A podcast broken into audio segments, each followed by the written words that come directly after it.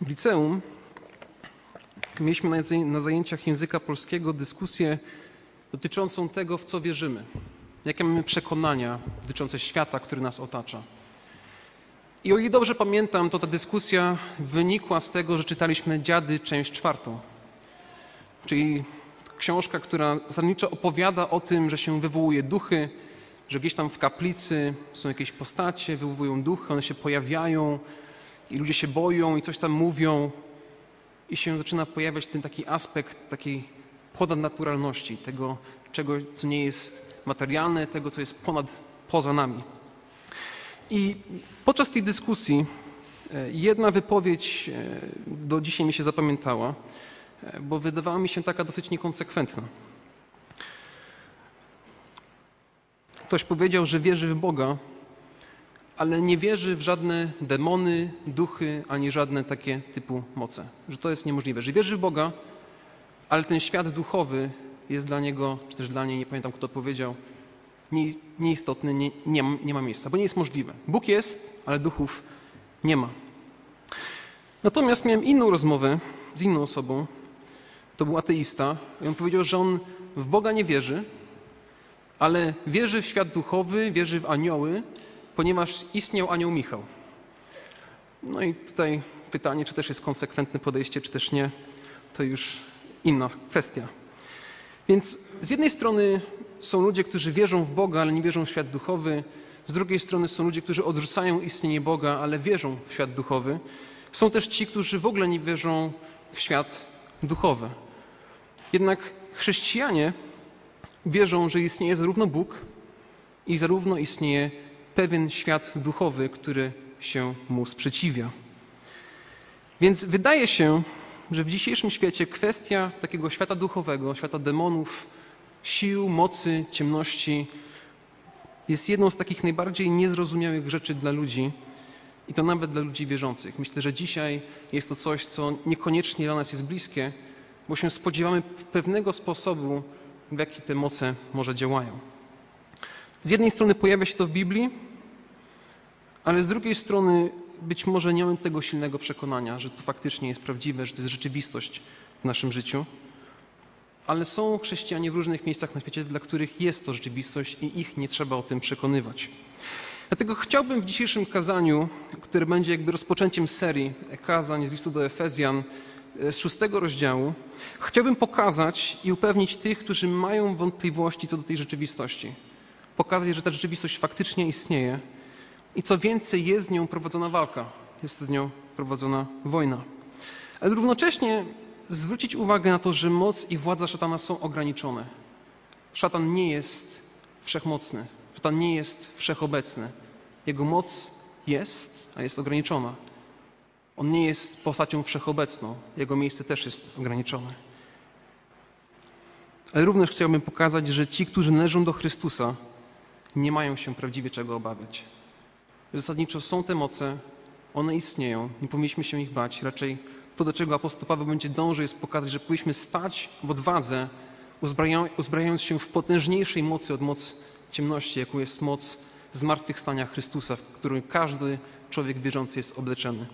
Zachęcam, otwórzcie list do Efezjan, szósty rozdział i będziemy czytać wiersze od 10 do 13.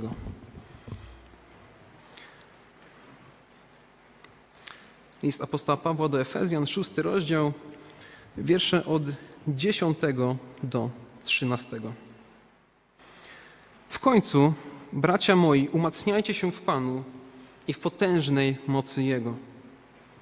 Przywdziejcie całą zbroję Bożą, abyście mogli się ostać przed zasadzkami diabelskimi.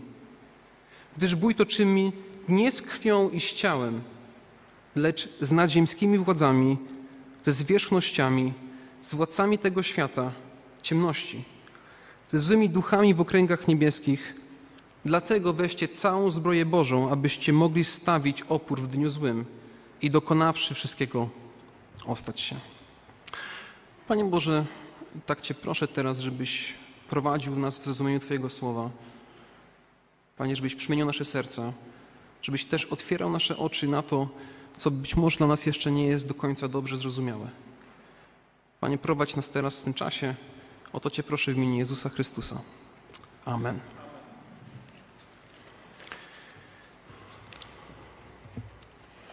Jak już wspomniałem na początku, żyjemy w świecie, gdzie zasadniczo te kwestie duchowe niekoniecznie są dzisiaj dla wielu ludzi oczywiste. Dla niektórych są, dla niektórych nie są. Dla wielu ludzi dzisiaj wszystko musi być zbadane. Wszystko musimy sprawdzić, dotknąć, zobaczyć, doświadczyć, i wtedy mamy pewność co do tego, czy to faktycznie jest prawdziwe, czy to istnieje, czy też nie. I ma to swoje zalety. Dobrze jest weryfikować informacje, dobrze jest sprawdzać to, co nam coś ktoś mówi, ale równocześnie tego, co nie jest materialne, nie można w sposób materialny zbadać. Istnieją dzisiaj współczesne dziedziny, które próbują wyjaśnić kwestie demonów i mocy ciemności jakichś duchów, takich jak antropologia religijna czy też religioznawstwo. Zajmują się one tymi badaniami, szukają na to odpowiedzi, jak to w różnych kulturach te kwestie są, są omawiane. Tylko wychodzą one często z założenia, że to wszystko to jest po prostu wytłumaczenia, próba wytłumaczenia tego, co jest nieznane. Czyli jeżeli coś złego w moim życiu się wydarzyło, no to jakieś prymitywne ludy muszą to wytłumaczyć, że to jest jakiś demon, że to jest jakaś zła moc, bo nie można tego w inny sposób wytłumaczyć. Czyli ostatecznie, kiedy cywilizacje by się rozwijały, oznaczałoby to, że musimy od tego odejść, musimy tego zaprzestać, w ten sposób to postrzegać. Jest to próba wytłumaczenia tego jako zjawisko socjologiczne, że jako społeczeństwo ustalamy, że to są złe moce i koniec. I zasadniczo są to duże słowa, ale z gruntu rzeczy wychodzą one z założenia tego, że Bóg nie istnieje. Czyli odrzucamy istnienie Boga, odrzucamy świat duchowy, i próbujemy wytłumaczyć świat duchowy w sposób, który będzie dla nas zrozumiały. To jest troszkę błędne założenie, aczkolwiek w taki sposób dzisiaj te dziedziny funkcjonują. Jeżeli się pójdzie na studia, to tego się będzie gdzieś tam ludzie uczyli, że to był proces, to się rozwijało i potem się od tego gdzieś tam odchodziło. Natomiast jeżeli spojrzymy na treść Pisma Świętego, to to, że istnieje świat duchowy jest sprawą tak samo jasną jak istnienie Boga. Jest to tak samo jasna kwestia jak istnienie piekła. Jest to tak samo jasna kwestia, jak istnienie życia wiecznego poprzez wiarę w śmierć i zmartwychwstanie Jezusa Chrystusa. To jest pewien aspekt przesłania chrześcijańskiego, który jest nierozłączny od tego, co czytamy w Piśmie Świętym.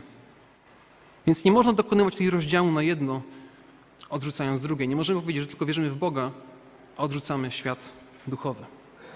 Z drugiej strony w naszym społeczeństwie mamy drugą stronę, gdzie ludzie coraz bardziej idą w stronę takich magii, wróżbiarstwa, odrzucają istnienie Boga, ale wiedzą, że istnieje coś ponad. Wiedzą, że istnieją, że musi być coś więcej. I wydaje się, że ludzie są, rodzą się z takim przekonaniem, że to, co tutaj jest, to, co widzimy, to nie jest wszystko. Że jest coś więcej i szukają tego w różnych astrologiach, wróżbiarstwie. Ostatnio miałem rozmowę z jedną osobą z grupy młodzieżowej, który mi opowiadał o tym, że poznał czarownicę Wika i on opowiadał o tym, że tam jest magia i coś. I, I ludzie szukają tego, bo zdają sobie sprawę z tego, że istnieje pewien świat duchowy. I czytając Pismo Święte, apostoł Paweł kilka razy przywołuje, że wiek, czy też czas, w jakim żyjemy, jest wiekiem złym. W liście do Galacjan w pierwszym rozdziale, w czwartym jest napisane, który wydał samego siebie za grzechy nasze, aby nas wyzwolić z teraźniejszego wieku złego, według woli Boga i Ojca naszego, który wydał samego siebie za grzechy nasze, aby wyzwolić nas z teraźniejszego wieku złego. To jest list do Galacjan, pierwszy rozdział, werset czwarty. W liście do Efezjan to sformułowanie też się pojawia. W piątym rozdziale, wersie szesnastym jest napisane wykorzystując czas, gdyż dni są złe. List do Efezjan, piąty rozdział, werset szesnasty. Więc kiedy jest mowa o tym, że czas, czy też dni, w których żyjemy, są złe, to nie można tego przypisywać wyłącznie ludzkiej grzeszności. Tutaj ewidentnie apostołowi Pawłowi chodzi o coś więcej, że sam czas, sam świat, w jakim żyjemy, jest przesiąknięty jakąś dozą zła, która jest wśród nas. I to też się pojawia w naszym fragmencie. W wersecie 12 jest napisane, gdyż toczymy bój nie z krwią i z ciałem, czyli tutaj apostoł Paweł mówi, że ta walka duchowa, o której mówi, nie, nie dotyczy ludzi. pewien sposób oczywiście z ludźmi może być walka toczona i ludzie mogą się nam sprzeciwiać, aczkolwiek to, do czego tutaj dąży, to jest ukazanie, że bój toczymy nie z krwią i z ciałem, nie z tym, co jest cielesne, ale z tym, co jest ponad nami, z tymi nadziemskimi władzami, ze zwierzchnościami, z władcami tego świata ciemności, ze złymi duchami w okręgach niebieskich. To nie jest walka materialna, to jest walka duchowa.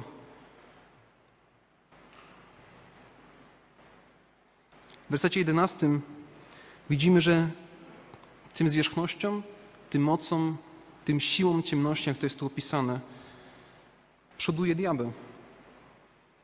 Przywdziejcie całą zbroję, abyście mogli się ostać przed zasadzkami diabelskimi. Czyli z jakiegoś powodu diabeł chce nastawać na życie ludzi wierzących. Z jakiegoś powodu chce zastawiać swoje sidła, pułapki, jakkolwiek byśmy tego nie nazwali. I on temu przewodzi. Jakbyśmy spojrzeli na, na Biblię, to widzimy, że diabeł jest jedną postacią, jest to jedna istota, która ma sobie poddanych różne inne, inne moce, inne postacie, które możemy nazwać demonami, czy też siłami, które się gdzieś tam pojawiają. I Pismo Święte jasno pokazuje, że diabeł nie jest tylko symbolem zła.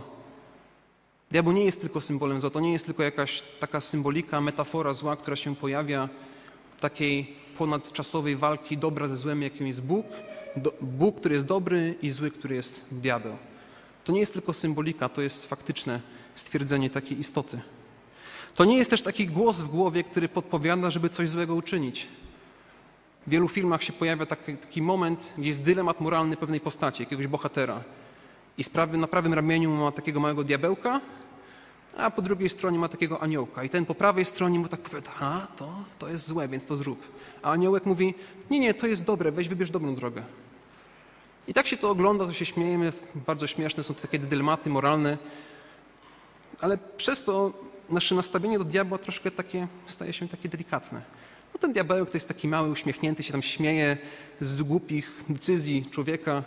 I ten anioł jest taki bardzo smutny, bo jemu się nie udaje przekonać człowieka do dobrej decyzji. I się okazuje, że ten diabeł staje się taki bardzo, stajemy się oswojeni z tym konceptem. Diabeł również nie jest jakąś czerwoną postacią z rogami, trzymający w ręku trójząb, grożący wszystkim, którzy spadną poniżej ziemi, że tam jest kocioł ze smołą i tam będą ludzie wpadać, którzy, którym się nie udało na świecie. On tam stoi, podrzuca do ognia. To też często jest w naszym wyobrażeniu, bo to się często na jakichś różnych obrazach pojawiało. To jest taka dosyć znana symbolika. I wtedy rodzi się nam takie przekonanie, że diabeł to jest taka śmieszna, bajkowa postać, która nie jest w stanie komukolwiek zagrozić. To jest taka postać, może myślona, może nie, a jeżeli istnieje, to nie jest wcale aż taki niebezpieczny, jak się wydaje. Ale moi drodzy, to co tu jest pokazane, jest to, że to są potężne moce, to są potężne siły, z którymi każdego dnia człowiek wierzący się zmaga. I diabeł nie jest wszechpotężny, ta walka jest przegrana, ale on dalej próbuje. Próbuje coś dla siebie zyskać. Co więcej, tu jest też pokazane, że wiele rzeczy nas otaczających ma demoniczne podłoże. I to też może być takie dosyć dziwne, myślę, w dzisiejszych czasach, bo kiedy myślimy o czymś demonicznym, o czymś satanistycznym, to myślimy często o kimś, kto jest ubrany na czarno, który ma właśnie taki wygląd satanistyczny, chodzi gdzieś tam na jakieś spotkania po nocach. No niekoniecznie. Niekoniecznie. Szatan nie musi działać w jeden sposób, który nam się wydaje. I jest tutaj mowa o pewnych siłach, o pewnych mocach, o pewnych rządach tego świata. Te siły i moce to też nie są jakieś po prostu moce. To nie są jakieś siły nieopisane. To są rzeczywiste istoty, które dzisiaj działają na przekór Bogu. I apostoł Paweł przywołując je i nazywając je władcami i zwierzchnikami i rządcami tego świata, odnosi się między innymi do tego, w jaki sposób one działają. Kiedy mówimy o tym, że ktoś chce być władcą świata, to mówimy o kimś, kto chce rządzić nad wieloma narodami, nad wieloma krajami i w historii znamy przykłady ludzi, którzy w ten sposób chcieli swoje rządy sprawować. W starożytności mamy cesarzy rzymskich, którzy rozwijali swoje cesarstwo do ogromnych rozmiarów. I tam wprowadzali swoje prawa, swoje zasady. Pewne zasady akceptowali, a pewne swoje narzucali.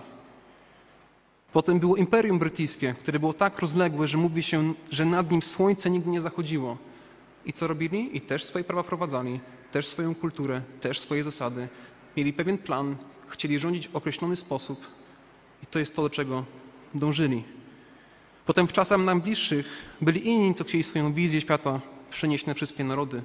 Tacy jak Lenin, Stalin i Hitler też próbowali po kolei swoją władzę, swoje pomysły realizować stopniowo do tego, żeby wszystkie narody, też wszyscy ci, którzy im się uda podbić, w ten sposób mogli im służyć. Więc kiedy apostoł Paweł mówi o tym, że to są władcy i rządcy tego świata, to nie mówi o tym jako czymś, co nie ma żadnego zamysłu, czymś, co nie ma żadnego zamiaru, czegoś, co nie ma żadnego celu, tylko że to są faktyczne moce, siły, pewne istoty, które mają jeden cel i tylko jeden cel na myśli, żeby się sprzeciwiać Bogu i Jego ludowi. I mogą to czynić na różne sposoby. Nie muszą to być opętania, nie muszą to być inne zasady, ale to mogą być często zachowania przez sterowanie ludzkimi pragnieniami. Jeden z autorów o imieniu Shannon Ross, kiedy powoływał się na teologa Augustyna, który opisywał Koloseum, to opisał walki w Koloseum w ten sposób. Koloseum symulowało burzliwą egzystencję demonów poprzez wyniesienie widzów ponad cierpienie i śmierć, które miały miejsce na podłożu amfiteatru. Ze swojego uprzywilejowanego miejsca widz spoglądał na śmiertelność ofiar, tak jakby patrzył na to wszystko jak nieśmiertelnym demon. Poprzez uprzedmiotowające spojrzenie konsumował podniecenie i psychoseksualny powaw spektakularnej przemocy. Rozwijający się dramat śmierci rozpalał jego żądze i najbardziej niegodziwe pragnienia. Rozpalały się one, gdy lew wyrwał człowiekowi rękę z ciała lub gdy gladiator zadał śmiertelny cios. Dzięki pochłaniającemu spojrzeniu doświadczał życia jak przewrotny demon, nieśmiertelny, ale ogarnięty namiętnościami duszy. Innymi słowy, kiedy jeden z pierwszych teologów takich zachodni, jednym z najważniejszych teologów zachodniego kościoła, kiedy Augustyn opisywał walki w Koloseum, to opisywał jako coś, co powoduje w człowieku naprawdę dzikie pragnienia. Że człowiek się cieszy, się napełnia krwią ludzi, którzy umierają. I to się wydaje być takie dosyć absurdalne. Ale kiedy to przekracza ludzkie myślenie, kiedy to nas napełnia naszym, nasze radości, to nas daje nam pewne spełnienie, to można mówić o pewnych demonicznych siłach, które działają. Rozrywka, to, że są ludzie, stają się żonni krwi, stają się ich takim paliwem do życia. I kiedy społeczeństwo się w ten sposób zaczyna zachowywać, zaczyna doświadczać takich pragnień, rządzy, to można mówić o jakichś demonicznych siłach, to nie muszą być koniecznie opętania. Myślę, że warto sobie zadawać w dzisiejszych czasach pytanie, czym ja się w zasadzie fascynuję, co mi powoduje takie żądze, takie pragnienia, które w jakiś sposób gdzieś tam poruszają moje serce. Dzisiaj w internecie, myślę, że nie musimy patrzeć na Koloseum, dzisiaj w internecie można się spotkać z bardzo podobnym nastawieniem i to jest niezwykle smutne i mówię to z ogromną przykrością mojego serca, gdzie można się spotkać z tym, że ludzie wrzucają posty o tym, jak się chwalą swoją aborcją. Się cieszą tym, że zabili swoje dziecko i mówią, że chcę nawet więcej. Chcę po raz kolejny moje dzieci zabijać. I to jest, to jest tragiczne i to jest radość ze śmierci. Radość ze śmierci. I w dzisiejszych czasach, jeżeli spojrzymy, to diabeł potrafi używać naszych pragnień do tego, żeby przemieniać świat, do którego dookoła żyjemy. Kiedy patrzymy na historię Jezusa, to on do diabłu kusił Jezusa. Jezus się nie dał. Ale często nasze kuszenie, nasze pragnienia nie muszą być wynikiem naszego grzechu. To może być wynik jakichś sił, które nas otaczają i próbują w jakiś sposób na nas wpłynąć. I często, czy też zasadniczym działaniem diabła jest pytanie, czy rzeczywiście Bóg powiedział, że nie ze wszystkich drzew wolno wam jeść. Zaczyna podważać pewne zasady, pewne myślenie i to, co jest prawdą w oczach Boga, w oczach ludzi zaczyna być podważane, zaczyna być zastanawianie się nad tym, czy fakt, tak faktycznie jest. I potem od tego, co się staje, do, co jest dobre, staje się pytanie, od tego, co jest pytaniem, staje się coś złego, i to, co jest dobre, staje się złem, a to, co jest złe, staje się dobrem. I w pewnym momencie patrzymy na społeczeństwo i się zastanawiamy, w jaki sposób do tego doszło. w jaki sposób doszło do takiej demoralizacji społeczeństwa. Tak niektórzy mówią, że dzisiaj jest inaczej, jak to było 30 lat temu. Kiedyś to było inaczej. Ludzie byli wychowani, a teraz zachowują się w zupełnie inny sposób. Czasami próba opisania tego w jakiś taki sposób czysto materialny, taki czysto naukowy nie jest możliwe. Czasami musimy być świadomi tego, że po prostu są pewne siły, które nas otaczają i wpływają na społeczeństwo, w jakim żyjemy. Diabeł był nazwany ojcem kłamstwa, więc nie bądźmy zaskoczeni, kiedy to, co Bóg mówi, że jest dobre, diabeł powie, a nie, to jest złe. A kiedy to, co Bóg mówi, że jest złe, powie, a nie, to jest dobre. Potrafi w bardzo umiejętny sposób zamienić nasze myślenie. Biblii czytamy, że ciemność nienawidzi światłości. Ciemność nienawidzi światłości. Więc pytanie, dlaczego chrześcijanie w tej walce są w, w sposób szczególny wyszczególnieni? Takie podwójne słowo. Dlaczego są chrześcijanie wyszczególnieni w tej walce? Chciałbym, żebyśmy zwrócili uwagę na to, co czytał pastor Marek na początku nabożeństwa. List do Efezjan, drugi rozdział, od wiersza pierwszego do szóstego. Jest napisane: I wy umarliście przez upadki i grzechy wasze, w których niegdyś chodziliście według modły tego świata, naśladując władcę, który rządzi w powietrzu, ducha, który teraz działa w synach opornych. Jeszcze raz. Wy, którzy niegdyś chodziliście według modły tego świata, naśladując władcę, który rządzi w powietrzu. Naśladując władcę, który rządzi w powietrzu. O czym tu jest mowa? O czym tu jest mowa? To jest mowa o tym, że przed nawróceniem, przed tym jak Ty przyszedłeś do Chrystusa, zanim Cię Chrystus zasadniczo wyrywa z mocy ciemności, Ty, świadomie bądź też nieświadomie, służyłeś, służyłaś i w taki sposób, który się podoba szatanowi. To jest niezwykle ciekawy zabieg, jakiego tu apostoł Paweł używa. Mówi, że naśladując władcę, który rządzi w powietrzu, gdybym zapytał was dzisiaj, czy wy w waszym życiu naśladowaliście szatana, prawdopodobnie powiecie nie. Ja w życiu, ja nie. Jednak to, co, o czym apostoł Paweł tutaj mówi, jest, że tak faktycznie było, że nie mieliśmy wyboru. Werset trzeci, wśród i w nich i my wszyscy żyliśmy w niegdyś w porządliwościach ciała naszego, ulegając woli ciała i zmysłów. I byliśmy z natury czym? Dziećmi gniewu, jak i inni. Ale uwaga, teraz wielka zamiana, ale Bóg, który jest bogaty w miłosierdzie, dla wielkiej miłości swojej, który nas umiłował i nas, którzy umarliśmy przez upadki, ożywił wraz z Chrystusem. Innymi słowy, Bóg zabiera nas z mocy ciemności, i wprowadza nas do swojego królestwa światłości. Jest zmian, dokonana zmiana adresu. I to się szatanowi nie podoba. Nikt nie lubi przegrywać. I tego się na przykład mówi, że trzeba przy, umieć przegrywać. Jest takie powiedzenie, żeby, że ktoś jest złym przegranym. I teraz sobie wyobraźcie, że jesteście w sytuacji przegranej, bo wasza siła, wasza moc jest ograniczona. Mierzycie się z kimś, kto jest o wiele potężniejszy od was i On wam zabiera po kolei ludzi, którzy do was należą. I nie możecie nic z tym zrobić. Nie ma co się dziwić, że szatan będzie działał w sposób, jaki działa. Że próbuje w jakiś sposób atakować ludzi wierzących. Próbuje zmieniać społeczeństwo, żeby było coraz im bardziej negatywnie, coraz bardziej negatywnie nastawione. W objawieniu czytamy o tym, że diabeł wrzucał ludzi do więzienia poprzez swoich sługów, były synagoga szatana, wrzucała ludzi wierzących do więzienia. Byli oddawani do, do więzienia przez szatana, czy też przez ludzi, którzy mu służyli. I werset szósty mówi, i wraz z nim wzbudził i posadził w okręgach niebieskich w Chrystusie Jezusie. Drogi bracie, droga siostro, dzisiaj ty i ja, jeżeli zaufałeś w pełni Jezusowi Chrystusowi jako swojemu Panu i swojemu Zbawicielowi, dzisiaj masz miejsce w okręgach niebieskich z Bogiem. Z tych okręgów niebieskich diabeł cię nie ruszy, nie jest w stanie cię odebrać twojego zbawienia, bo nie ma takiej mocy.